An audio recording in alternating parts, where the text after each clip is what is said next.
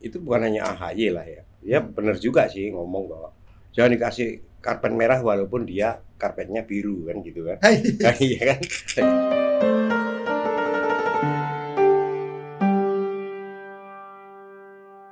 Halo Mas Ari, apa kabar Mas?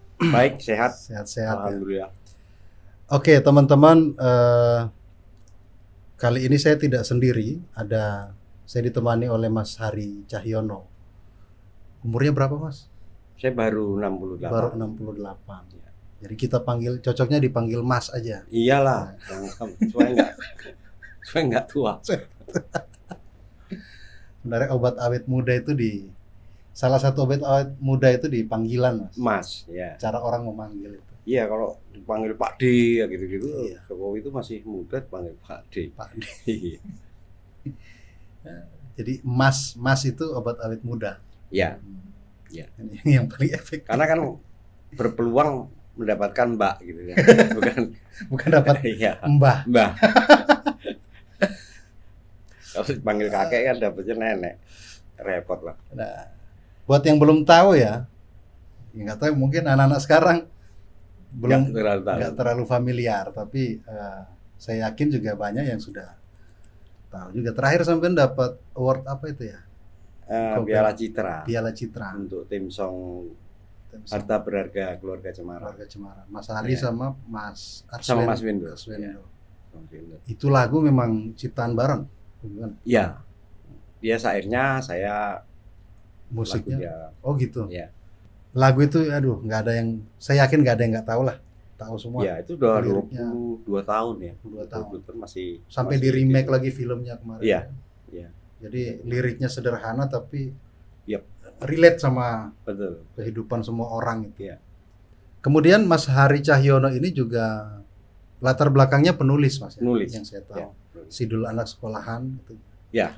Bisa Skenario di di RCTI ya, di RCTI yang di RCTI.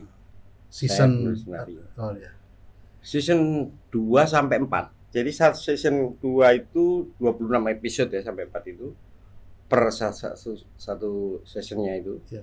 Yang pertama itu 6 session yang di, yang nulis skenario itu Mbak Ida Farida. Hmm. Kemudian karena saya juga sama Rano udah lama ya, Hmm. gantian saya yang nulis. Itu ide ceritanya dari mana Mas? Dikit dulu ya soal Sidul dulu saya penasaran.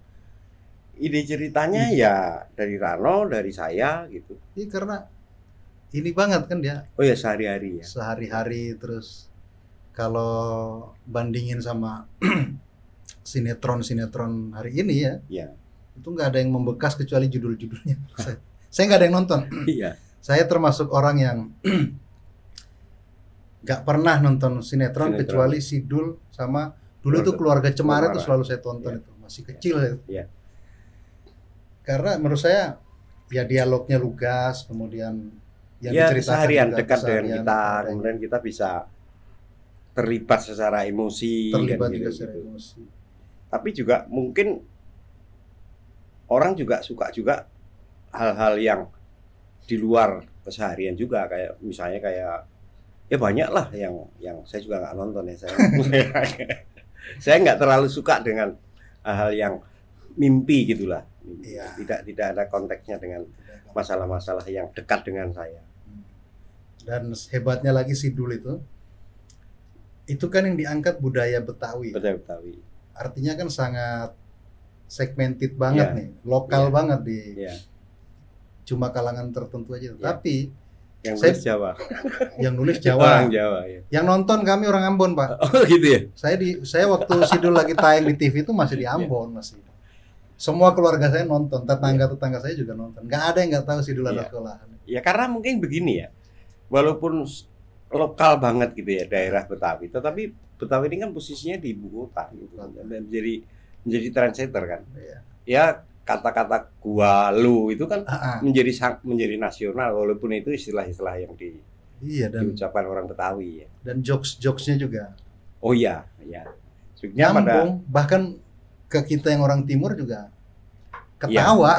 ya, dan pada saat itu juk-juknya itu sebetulnya eh, menjadi menarik, menjadi tajam karena itu dibikin pada saat Orde Baru.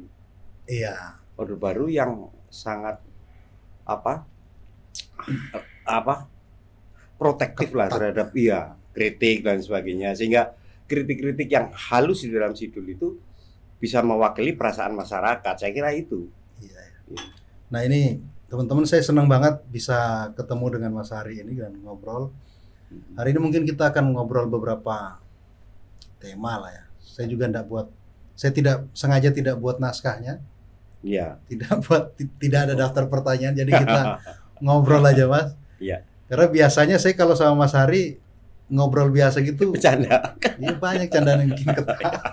kalau kita atur malah nggak nggak bisa nggak keluar. Iya. Eh, saya juga nggak bisa lah Oh, gitu. iya pertanyaan tertulis wah ribet Iya, lah iya. Harus Nah. mikir dulu lah Iya. Nah, Mas Hari, sekarang kita coba ngobrol hal yang apa namanya? Saya pikir mungkin mengganggu kita lah selama ini Iya. mengganggu pikiran saya khususnya. Yang pertama itu soal eh, kemarin sempat ngikutin ya AHY. A- oh iya ikut AHY ikut bilang iya. ya kan AHY. Heeh. a- Iya apa pidato politik apa pidato? Ya, kebangsaan itu. atau Ya, apalah. saya, saya juga enggak nonton. iya iya saya cuma baca kutipannya Berita, di berita, melalui iya. berita dan yang agak menggelitik adalah kalimat anak muda tidak boleh diberikan kartu eh, Karpet karpet merah. merah. jangan dimanja dan seterusnya dan iya seterusnya. iya Ya saya pas baca itu antara mau ketawa mau guling-guling sih. iya Karena itu keluar dari ucapan itu menurut saya keluar dari orang yang kesehariannya berperilaku sebaliknya gitu. juga Baik. dikasih karpet merah gitu. Iya, Mbak. Kalau Agus Harimurti saja namanya tanpa embel-embel huruf Y itu di belakangnya, Iya. saya yakin juga nggak nggak akan seperti sekarang ini dia jadi ketua partai, Iya, ya udah dan seterusnya. Ya itu yang yang menurut saya kan begini ya. Itu bukan hanya AHY lah ya. Ya benar juga sih ngomong bahwa jangan dikasih karpet merah walaupun dia karpetnya biru kan gitu kan. Nah, iya kan? Ada Puan Maharani. Kalau itu karpetnya merah. Ah, ya ada dinastinya Amin Rais itu kan juga sama sebetulnya. Tapi persoalannya kan beginilah. Orang diberikan karpet merah itu pastilah orang yang sudah jadi seseorang Iya. jadi ini agak lucu juga Hmm. orang belum jadi apa-apa gitu ya dikasih karpet merah untuk apa gitu Hmm. ya kan kecuali mau jualan karpet misalnya kayak gitu loh ya Lu- iya kan Karpet masjid. orang kalau orang digelarkan pak karpet merah itu pasti orang yang sudah jadi jadi seseorang ya Iya. entah itu menjadi aktris Hollywood yang hebat gitu kan ada Hmm. gelar merah. kalau belum belum jadi apa-apa dikasih karpet merah menurut saya lucu itu. Iya. terus buat apa? Gitu kan.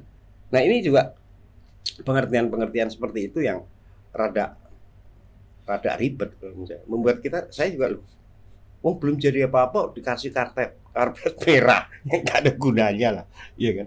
Dan itu terjadi ketika politik dinasti menjadikan orang-orang yang belum menjadi apa-apa dikasih kasih karpet merah ya, ya lucu jadinya kan, iya kan? Poinnya menurut saya itu politik dinasti ya kan. Ya Iya, sebenarnya iya. kita nggak ada soal mau itu AHY mau Ya, itu apa-apa. Puan, mau jadi apa pun ya kita nggak Iya. ada soal. Tapi ketika itu merepresentasikan dinasti politik tertentu itu kan jadi soal. Ya, gitu kan. Ya. Kita yang aktivis ini mas itu harus ngantri bertahun-tahun sampai udah punya Oh, cucu iya. baru kemudian iya, iya. ini ya kan berbeda dengan ya bukan bukan ngiri ya tapi ya apa seharusnya panggung politik itu kan dibuka jadi satu medan yang semua orang bisa Ya. punya kesempatan yang sama Iya, kan gitu ya itu kan beginilah apa kalau kita melihat dari politisi-politisi kita yang dulu-dulu itu Ah. kan itu kan mereka menjadi politisi bukan bukan karena keturunannya siapa-siapa gitu dia punya passion ke situ Hmm. dia punya apa perjuangan. Belajar betul tentang politik kan kan kalau yang sekarang kan enggak loh menurut saya enggak gitu. Sehingga ya seperti itu. Apa ya? Ya karena keturunannya si A Seseorang. maka ya. Dan itu bisa bisa membuat panggung politik kita tuh kayak dagelan aja lah gitu. Iya kan? Iya. memuja-muja yang tidak tidak semestinya dipuja gitu kan. Iya kan? Di satu sisi apa namanya kita ingin menciptakan ya politik itu kan walaupun orang bilang itu lumpur penuh Hmm. kotoran. Ya tapi kan harus diisi oleh orang-orang yang punya integritas yang Hmm. kemudian matang secara politik Ya. prosesnya segala macam. Kenapa kemudian harus ada orang matang? Menurut saya karena kematangan itu berpengaruh nanti ke bagaimana pengambilan keputusan yang Ya. di- Mas Hari dari perspektif budaya lah ya Ya. ya kita udah bosan lah dengar pengamat pengamat politik maupun politisi yang bicara soal ini. Nah, saya pikir kita harus dikasih wejangan lah, karena kita ini kan manu, ya namanya manusia itu kan makhluk budaya. ya.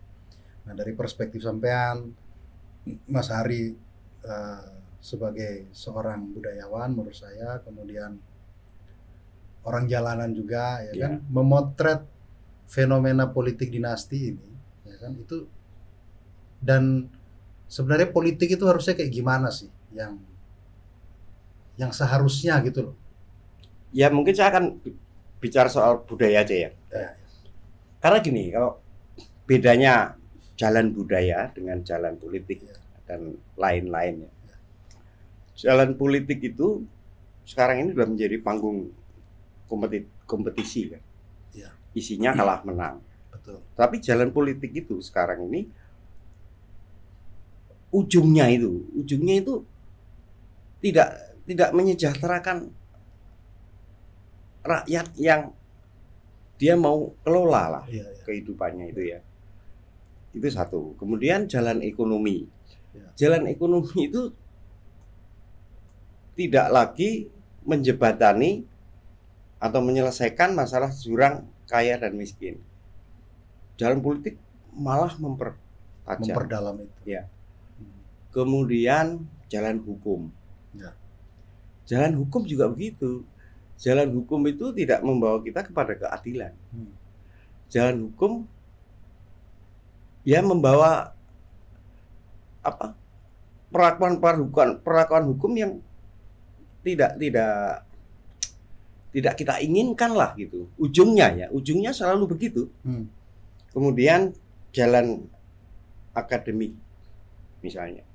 Jalan akademik tidak membuat kita menjadi manusia-manusia unggul, Hmm. tidak membuat kita menjadi manusia-manusia yang mempunyai kemampuan akademis, Ya. gitu ya. Jalan pendidikan sudah masuk di ujungnya itu, yaitu tadi ijazah palsu, ya skripsi palsu, gelar sargan- sarjana yang muspro ya, yang mubazir kalau menurut saya, ya kan? Kemudian bahkan jalan agama, jalan agama tidak mendekatkan kita kepada surga. Ya. Jalan agama sekarang ini penuh dengan kebencian, penuh dengan ya menjauhkan kita dari surga. Lihat aja Muhammad KC, Yaya Waloni itu kan. Itu mereka menempuh jalan agama dan apakah kita menjadi lebih dekat dengan surga? Enggak juga. Ya. Nah, jalan budaya ini membedakan menurut saya. Jalan budaya itu tidak ada panggung kompetisi. Kalau jalan yang lain-lain tadi kompetisi ukurannya itu menang atau kalah gitu. banyak-banyakan pengikut Iya, di politik juga menang atau kalah, ya kan? Jalan ekonomi juga begitu, Jalan kaya atau miskin, gitu kan? Dan di jalan jalan budaya tidak. Jalan budaya itu menurut saya yang masih punya membuat saya sendiri masih punya harapan, Hmm. gitu. Karena jalan budaya itu nggak ada pa- panggung kompetisinya nggak ada.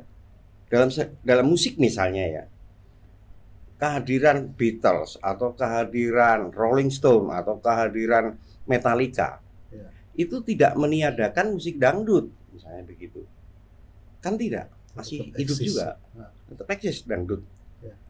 Eh, lagu Jawa juga jadi tidak tidak dikalahkan tidak panggung kompetisinya bukan untuk kalah dan menang gitu nah jalan budaya itu membuat orang melengkapi saling Oh. melengkapi itu yang menurut saya yaitu ada toleransi di situ ada keinginan untuk saling mendukung kan kayak gitu gitu dalam karya kesenian aja lah ya itu ya.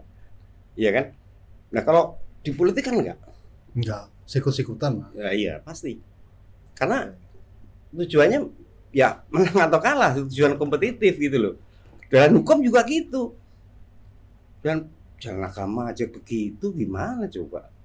Iya kan? Agama yang yang harusnya suci ya kan? Harusnya mendekatkan kita ke surga gitu kan? Harusnya ketika kita dengar artinya kan begini yang namanya agama itu ketika kita dengar eh, penceramah agama itu bicara atau Iya. orang yang ya apa namanya merepresentasi agama tertentu bicara Iya.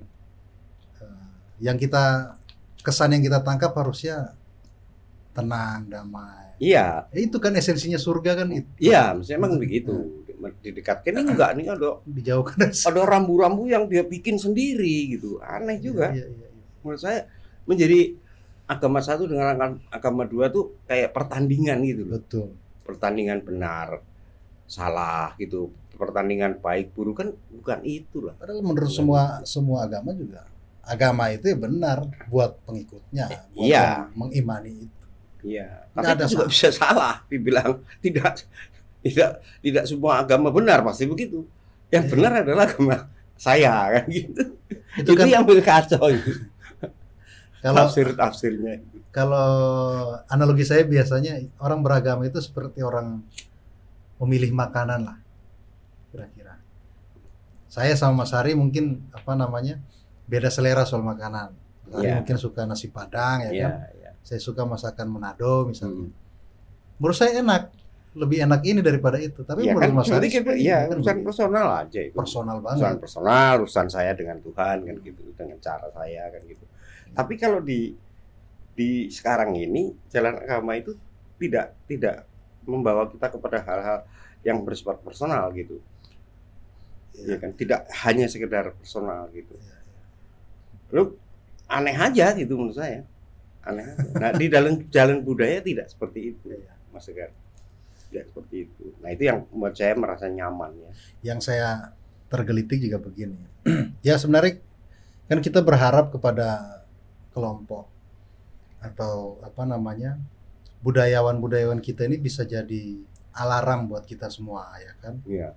Kalau seandainya bangsa ini sudah mulai melenceng dari apa yang seharusnya menurut apa namanya cita-cita pendiri bangsa ini nggak begini ya budayawan ini yang kemudian harus hadir dan jadi alarm pengingat yang jadi lucu ketika ada kelompok tertentu yang adalah menggunakan menggunakan apa menggunakan agama menggunakan budaya untuk tujuan kompetisi Itu Iya. kan rusak iya. ya kan makin rusak Nah, itu ya kalau kalau dikelompokkan dalam menjadi jalan politik itu atau jalan hukum atau jalan ekonomi pasti begitu. iya Padahal kan ya ya ngomong ideal ya. Sebenarnya nggak nggak harus begitu gitu loh. Boleh nggak Gitu. boleh boleh nggak sih saya bilang bahwa uh, seharusnya budayawan itu bebas nilai boleh nggak mas Ya boleh aja, boleh aja. jadi dia nggak terikat pada harusnya politik seperti ini atau seperti apa yang penting dia terikat pada kesejahteraan rakyat Oh iya, karya-karya Iya. kebudayaan Iya, ya. karena- karena jalan budaya itu menuntut satu hal anti kekerasan kayak gitu ya, Iya. Mengedepankan dialog. Kemudian dari semua itu ujungnya adalah karya. Jadi, jadi semua jalan budaya pasti menghasilkan karya. Karya yang yang bisa diterima oleh semua pihak ya. Iya. Gitu. Kalau kalau misalnya saya ikut politik gitu ya, ya nggak tertarik juga, nggak tertarik. Karena ya udah tahu ujungnya gitu loh. ujungnya udah tahu. Jalan hukum juga ujungnya udah tahu kan gitu Iya.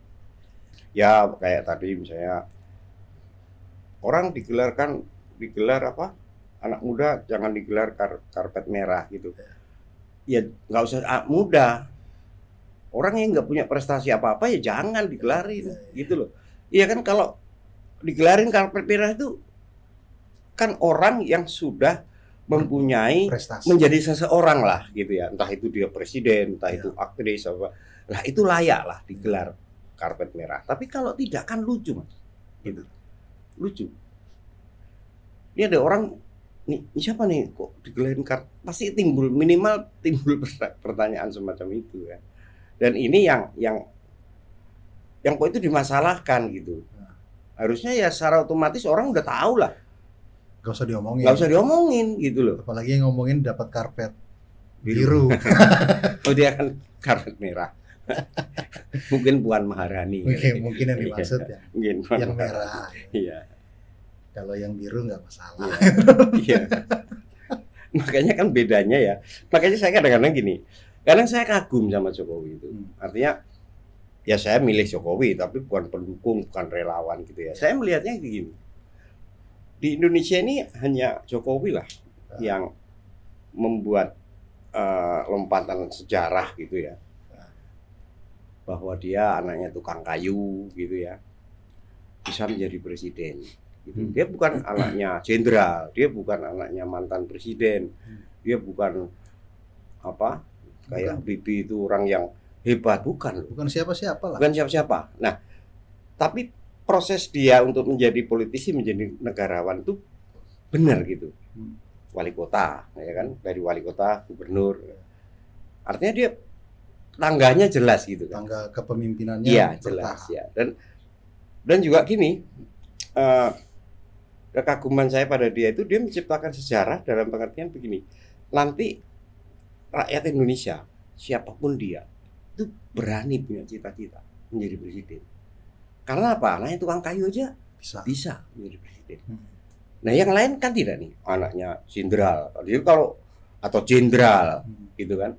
Kalau nggak jenderal maka nggak bisa jadi presiden atau bercita-cita aja haram hukumnya kan gitu kan. Nah ini Jokowi ini saya kira nanti di masa depan itu bisa menjadi inspirasi bagi anak-anaknya tukang kayu anaknya tukang beca atau siapa pun dia itu minimal punya berani punya cita-cita menjadi presiden. Saya kira itu jasa besar Jokowi Jasa itu besar. juga di luar yang lain-lain ya Misal nih kita Hmm. berandai-andai berangan-angan. Misalnya eh, AHY itu menyampaikan pidato, Mm. jangan gelar karpet merah untuk anak muda, gitu kan? Ya, ya, Di depan sampean. Dan sampean punya kesempatan untuk jawab. iya. Kira-kira nih ini ini Eh. simulasi aja kita. Nah, Sampean mau ngomong apa? Cuma kecuali kalau mau jualan karpet, nah, gitu aja. Karena anak muda kalau bukan belum jadi apa-apa ya nggak layak, nggak layak gitu, Iya. iya kan? Kecuali dia mau jualan karpet, boleh lah mau gelar karpet merah, karpet hijau, karpet biru kan gitu. Karpet apa aja. apa aja boleh. Nah, tapi kalau tidak atau belum mempunyai prestasi dalam bidang apa pun ya, Hmm. ya nggak layak lah. Nggak usah diomongin lah karpet merah. Orang iyalah, lu nggak usah ngomong kita juga udah tahu kali. tahu. Gitu kan. iya itu kan kesalahan apa ya? Aduh. Bukan kesalahan lah. Eh, nalarnya me- memahami tentang karpet merah substansi karpet merah itu digelar untuk siapa itu dulu. Nah saya itu kan begini mas, ini bukan cuma soal AHY lah. Hmm. Kalau kita memotret eh, apa situasi atau orkestrasi politik yang kita tonton tiap hari di Iya. media kan, Iya. bagi saya, saya sepakat sama Mas Hari bahwa gak usah lu ngomong kayak begitu, gak usah ngomong apa namanya, jangan gelar karpet merah, gak usah banyak pidato Hmm. gitu kan, gak usah pasang baliho, kerja saja pasti rakyat akan mengenali gitu kan siapa yang ini. Contoh yang paling nyata ya Pak Jokowi dari Solo ke Jakarta, dari Jakarta ke Iya. Istana. Iya.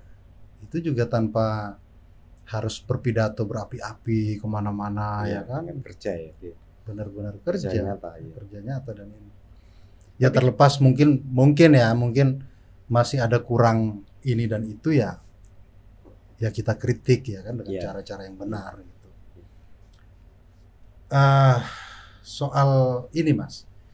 Nah kalau kita, tadi menarik juga. Ini kan akhirnya nyambung ya soal karpet merah kemudian soal politisi ini berlomba-lomba untuk menggalang simpati dengan eh, Politik baliho ya. cara-cara yang sifatnya publisitas semata maksudnya. Iya. Nah itu sampai memotret ini gimana kayak baliho ini kan Ya, gitu saya selalu bilang ini politik baliho itu politik spanduk ya. politik spanduk. dengan percaya bahwa melalui baliho itu lalu elektabilitas elektabilitasnya atau popularitasnya bakal naik. naik kayak gitu dengan tagline yang apalah gitu ya. Ya boleh-boleh saja. Boleh saja menurut saya. Cuman kan begini ya ada faktor-faktor yang yang apa kemudian sangat sekarang ini mulai berkembang kan. Hmm. bahkan baliho-baliho yang dia bikin tagline yang dia bikin susah payah itu bisa di meme kan gitu kan. Nah ini kan juga tapi saya kira mereka juga pasti punya pemikiran bahwa oh berarti tagline saya populer makin populer kan gitu kan? Ya gitu kan. Bisa begitu. Tapi gini Jokowi itu diuntungkan oleh bukan hanya dia tidak tidak pidatonya tidak tidak berapi-api atau tidak aneh-aneh gitu ya. Saya kira gini pada saat Jokowi terpilih menjadi presiden itu kita ini sudah udah dipimpin oleh eh, orang-orang atau presiden-presiden yang latar belakangnya itu luar biasa gitu loh. Misalnya gini, setelah Bung Karno kan jenderal, Jenderal. ya. kemudian Gus Dur agamawan gitu ya, terus jenderal lagi, Orang ya jenius dulu. Ya, Jenius dulu Habibie. oh ya Habibie gitu, Pimpin Eh, oleh orang jenius pernah ya, Hmm. ya, tapi kemudian terus Megawati anaknya anaknya. presiden, mantan presiden, terus jenderal lagi Iya. gitu. Indonesia nggak berubah gitu. Gitu-gitu aja. ya, ya ini kan rakyat juga punya punya kalau bahasa Jawanya niteni kan apa ya niteni itu teliti lah Ya. gitu bahwa ini udah jenderal udah jenius nggak berubah dia merindukan mungkin ya coba kembali lagi lah dipimpin oleh rakyat biasa seperti dipimpin oleh Bung Karno kan gitu kan Orang yang berangkat dari rakyat. Ya.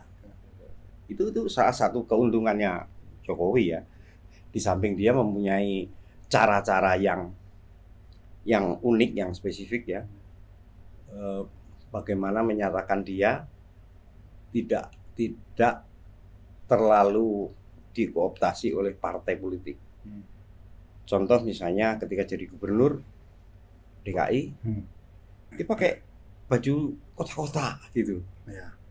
I- itu kan luar biasa kalau menurut saya Politiknya orang Solo lah. Iya. Nah, Simbolik. iya, iya, iya, dia- gua, gua, gua orang bukan orang politik nih, gua gua rakyat nih gitu. Iya, dia iya. menyatakan dia menyatakan sebagai rakyat itu bukan dengan atribut-atribut polit apa partai politik kan. Benar, benar. Iya kan? Betul, betul. Dia baju kotak-kotak nggak ada lah. Kemudian waktu jadi presiden dia pakai baju putih kan Iya. gitu kan. Jadi jadi itu bahasa-bahasa Jokowi mengkomunikasikan dirinya bahwa dia itu bukan orang partai itu menurut saya hebat. Ya. Gitu. Nah, apa namanya? Kalau saya sih begini Mas Ari. Apa yang disampaikan oleh AHY kemudian soal baliho juga ya kan ini kan Mm. kaitannya dengan kontestasi 2024. Iya. Kita bisa menuduh menuduh ke situ lah, bisa menuduh bahwa ini Iya, iya. Tidak terlepas dari kepentingan nanti di 2024. Cuman bagi saya, saya nggak ngelarang sih ya, dan saya yakin juga Iya, Mas iya. Ari juga nggak ngelarang. Nggak. Mau ngomong apa aja juga terserah orang mulut-mulutnya Iya. dia kan, Duit-duit dia juga. duit-duitnya dia, partai-partainya dia Iya. juga. dia mau ngomong apa aja terserah. Cuman sebagai rakyat biasa ya kan, sebagai warga sipil, sebagai budaya budayawan, tentu kan kita punya cita-cita juga nih Hmm. After Jokowi setelah Jokowi ini eh, siapa Indonesia akan akan dipimpin oleh orang yang berwajah seperti apa nah mungkin udah banyak lah di survei udah banyak di media Iya. diulas apa segala macam cuma saya nggak mau ke arah situ saya Iya. pengen pengen dengar dari Mas Hari Jokowi udah nih enough Hmm. dua periode ya kan udah Iya. secara konstitusi udah nggak bisa Iya. maju lagi. Nah, pasca Jokowi ini kita butuh orang yang kayak gimana? Gitu. Saya kira susah juga ya. Begini, eh, kalau konteksnya itu saya balikin aja ke mungkin bukan pada orang-orang yang pasang baliho. iya, Iya, iya, iya. iya. karena begini, bayangkan ya orang yang tidak punya eh, passion, tidak punya perhatian kepada pandemi yang sedang terjadi. Iya. Ya. Rakyat susah ya, nyawa ribuan nyawa hilang ya. Orang-orang yang menjadi pemimpin itu pasang baliho, bikin baliho dan jumlah banyak, biaya besar, tidak ada satupun yang mengkaitkan dengan apa yang dihadapi oleh rakyat saat ini. Ya, Betul. ada mungkin siapa? AHY bilang siap gitu, siap ngapain nih, gitu kan? Terus kepakan, ah, kepak sayap apa itu siapa? Buan. Terus satunya eh, siapa? Muhaimin ya, Muhaimin Iskandar apa? Gitu kan. saya nggak hafal nggak pernah lihat Ya, saya tiap kali lewat pakai mobil ada baliho saya tutup mata Ya kalau saya sebagai pemilih, saya tidak akan memilih orang-orang itu. Karena apa? Karena pada saat rakyat sedang mengalami bencana kayak begini, dia Hmm. tidak peduli gitu. ngapain pasang baliho ya kan Iya, nggak peduli kan? Iya. Berarti kan itu bentuk ketidakpedulian dia Hmm. terhadap apa yang sedang dialami oleh bangsanya. Hmm. Apa iya? Itu kalau saya begitu, kalau saya apa iya sih dia pantas menjadi presiden? Ya enggak lah. Gitu. Ngapain gitu? Kita cari orang-orang yang mempunyai eh, apa? passion, mempunyai empati dengan keadaan yang sekarang ini gitu. Mungkin hal-hal tidak terlalu besar lah, hal yang kecil-kecil aja lah yang yang menunjukkan dia berempati. Ini kan tidak loh. ya mungkin Kalau saya kalau saya masih hidup gitu ya, atau saya ikut pemilu enggak saya enggak milih. Ya, Enggak udah udah udah cukup menjelaskan. betul. Udah cukup menjelaskan. ya kita mungkin nggak akan punya pengaruh apa-apa ya kita milih apa enggak tapi setidaknya itu sikap yang Iya, Mas Arif iya. Minimal- sikap. Enggak saya yakin enggak hanya saya yang Ya. berpikir seperti ini. saya juga mas saya juga Iya. sama Karena kan milih presiden itu kan orang yang harus peduli pada bangsanya, ya punya empati, punya peduli ya? sama yang mau dipimpin ini loh Iya. Lu Ini mau- enggak gila. Lu lagi tiap hari ada ribuan nyawa di hilang gitu santai aja gitu. Santai aja. pasang manduk dan banyak gitu kan hidupnya masih enak mau Iya, ppkm ya ppkm ya santai aja ya nggak ada ke- nggak ada kepedulian lah nggak ada empati gitu. Itu, itu aja pertimbangan saya mungkin itu ya. Kalau untuk merumus apa bukan merumuskan atau memilih gitu kayak apa itu ya belum lihat lah saya. Tapi paling tidak saya udah nggak nggak pada orang-orang yang partainya maupun itunya seperti itu gitu. Iya. nggak akan kalaupun dia nyalon ya nggak nggak pilih. Dan saya kan mempengaruhi orang juga. Yang iya kan? Bisa-bisa sampai bikin lagu lagi ah iya. Iya. ini kalau dibuatin lagu ini judulnya apa yang, yang fenomena mana nih? sekarang ini. Fenomena karpet merah dan baliho ini. Amburadul. Amburadul. amburadul. Iyalah ya ya janganlah. Jangan pakai bikin. Kalaupun bikin bikin baliho ya ada konteksnya dengan kondisi sosial sekarang ini bencana ini ya, eh, empati dia itu menurut saya lebih simpatik lah.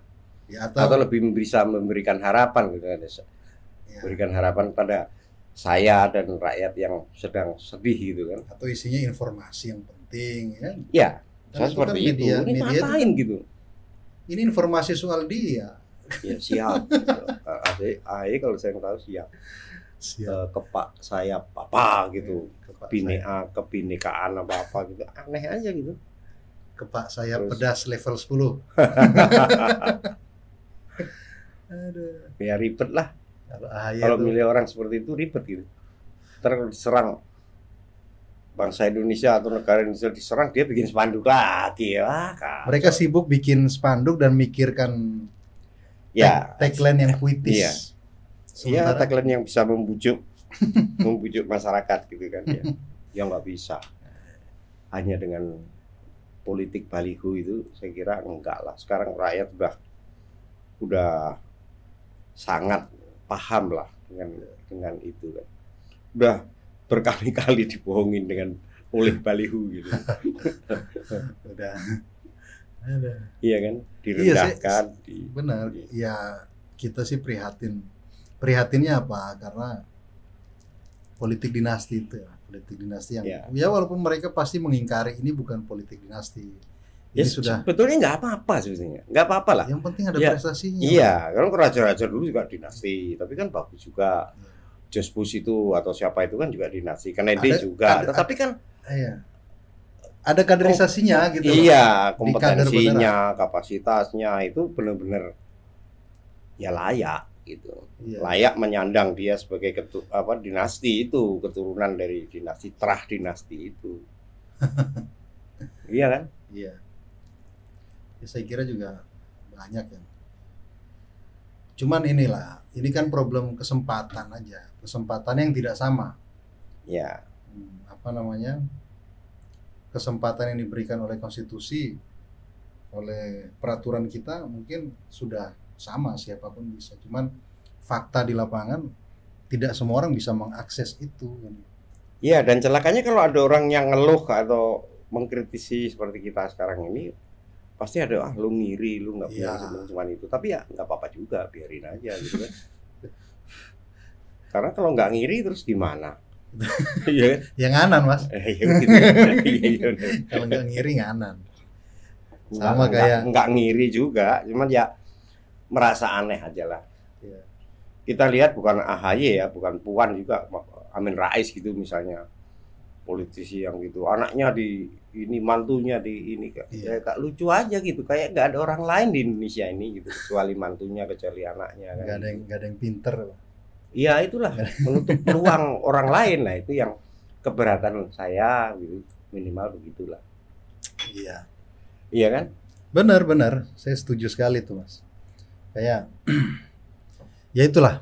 Ya mudah-mudahan setelah ini eh, artis-artis baliho dan artis-artis podium itu bisa mikir ya dan mudah-mudahan mereka mengkoreksi cara mereka mendekati rakyat lah. Iya. Rakyat itu kan nggak bisa didekati hanya dengan ya mungkin bisa jelang pemilu didekati dengan ya satu dua rupiah ya mungkin bisa gitu kan kita kita juga nggak bisa nutup diri dari fakta itu Iya. bahwa fakta itu ada cuman kalau eh, seleksi kepemimpinan itu hanya sebatas itu ya kita Iya, bakal iya. begini-begini aja terus nggak nggak maju-maju saya bayangin kayak ya negara lain yang mungkin startingnya barengan sama kita itu sekarang udah jauh udah apa namanya ya pasti banyak kurangnya ya pasti pasti Iya. juga ada politik yang apa namanya yang tidak sesuai dengan Iya. Eh, standar kita lah ya tapi yang saya lihat yang pasti mereka memperhatikan bagaimana rakyatnya bisa Iya. bekerja dengan aman dapat penghasilan yang eh, layak ya kan bisa hidup bisa bisa bahagia bisa bersenang-senang Nah, sementara di kita kan aspek itu masih belum ini Nggak, karena prosesnya nggak nggak nggak melalui seperti mereka gitu mas. iya, iya. Prosesnya tuh kayak ya nanti dibilang karbitan marah gitu kan. Eh. Karena dinasti itu hanya sekedar dia anaknya siapa, keturunan siapa, cuman itu doang. iya. Modalnya cuman itu. standarnya itu aja Iya, itu Jadi- bikin kita ini ya. iya. Jadi jadi ribet gitu loh. Oh ya dia menjadi ketua atau apa, menjadi kader atau apa itu karena dia anaknya si A lah kan repot itu. bukan karena dia layak bukan karena dia layak menjadi itu gitu Hmm. kan. Dan itu terjadi di di semua bidang. Iya. Saya setuju Jadi KKN itu masih real, masih ada. kuliah kerja nampol Apa tuh? korupsi Aku hampir lupa itu. korupsi kolusi Korupsi nepotisme. nepotisme itu kan. dulu 98 istilah itu Eh, populer Iya. pasca 98 Ya di, di dikemas menjadi cuma korupsi beda nama aja. korupsi aja kolusi sama nepotismenya Iya. enggak Iya, iya dinasti tidak termasuk dalam nepotisme kan. Ya cuman kemasannya di- diganti lah gitu aja. Dan itu akan berlanjut. Itulah yang membuat saya bahwa jalan politik itu ujungnya kita udah tahu. Iya. Itu yang memilih saya menjadi eh, lebih nyaman lah, lebih nyaman di jalan budaya lah. anu mas Tidak harus. sekarang lagi garap apa mas Ari Saya bikin lagi mulai nulis skenario film mm, tentang tentang apa? Ya toleransi, toleransi hidup kehidupan desa gitu ya. Eh, Seorang tokoh Cina gitu, orang muda Cina melakukan sesuatu di desa gitu aja. Ya ini aja supaya supaya membuat film yang sederhana lah kayak Sidul kayak kayak gitu. Saya saya hanya bisa menulis seperti itu. Iya. Saya tuh eh, kalau film mas, Ya. Film, serial itu saya sering nonton tapi kalau Indonesia nggak ada satupun serial yang saya suka hari ini ya. Hari ini nggak ada yang saya suka. Baru lihat judulnya aja saya udah, "Ais, Iya. apa? Tagline itu. Tagline-nya kayak Ada tagline baliho kan. ada dulu yang ada dulu yang sempat populer itu judulnya apa? Eh, ganteng-ganteng Serigala. Sri ganteng-ganteng Sri Mulyani. Ada yang sekarang ini ikatan cinta. Saya Iya. nggak tahu juga ceritanya apa. Nggak beres-beres ikatannya sampai ber episode-episode itu. Saya nggak mampu, nggak mampu dan nggak bisa. Apalagi streaming gitu ya. Kalau coba sampean tanya ke Ahe apa sih sinetron dia tonton? oh dia iya. Dia nonton karpet. karpet terbang tuh mana? Aladin. Nah, iya. ah nanti kita ngomongin Saai lagi.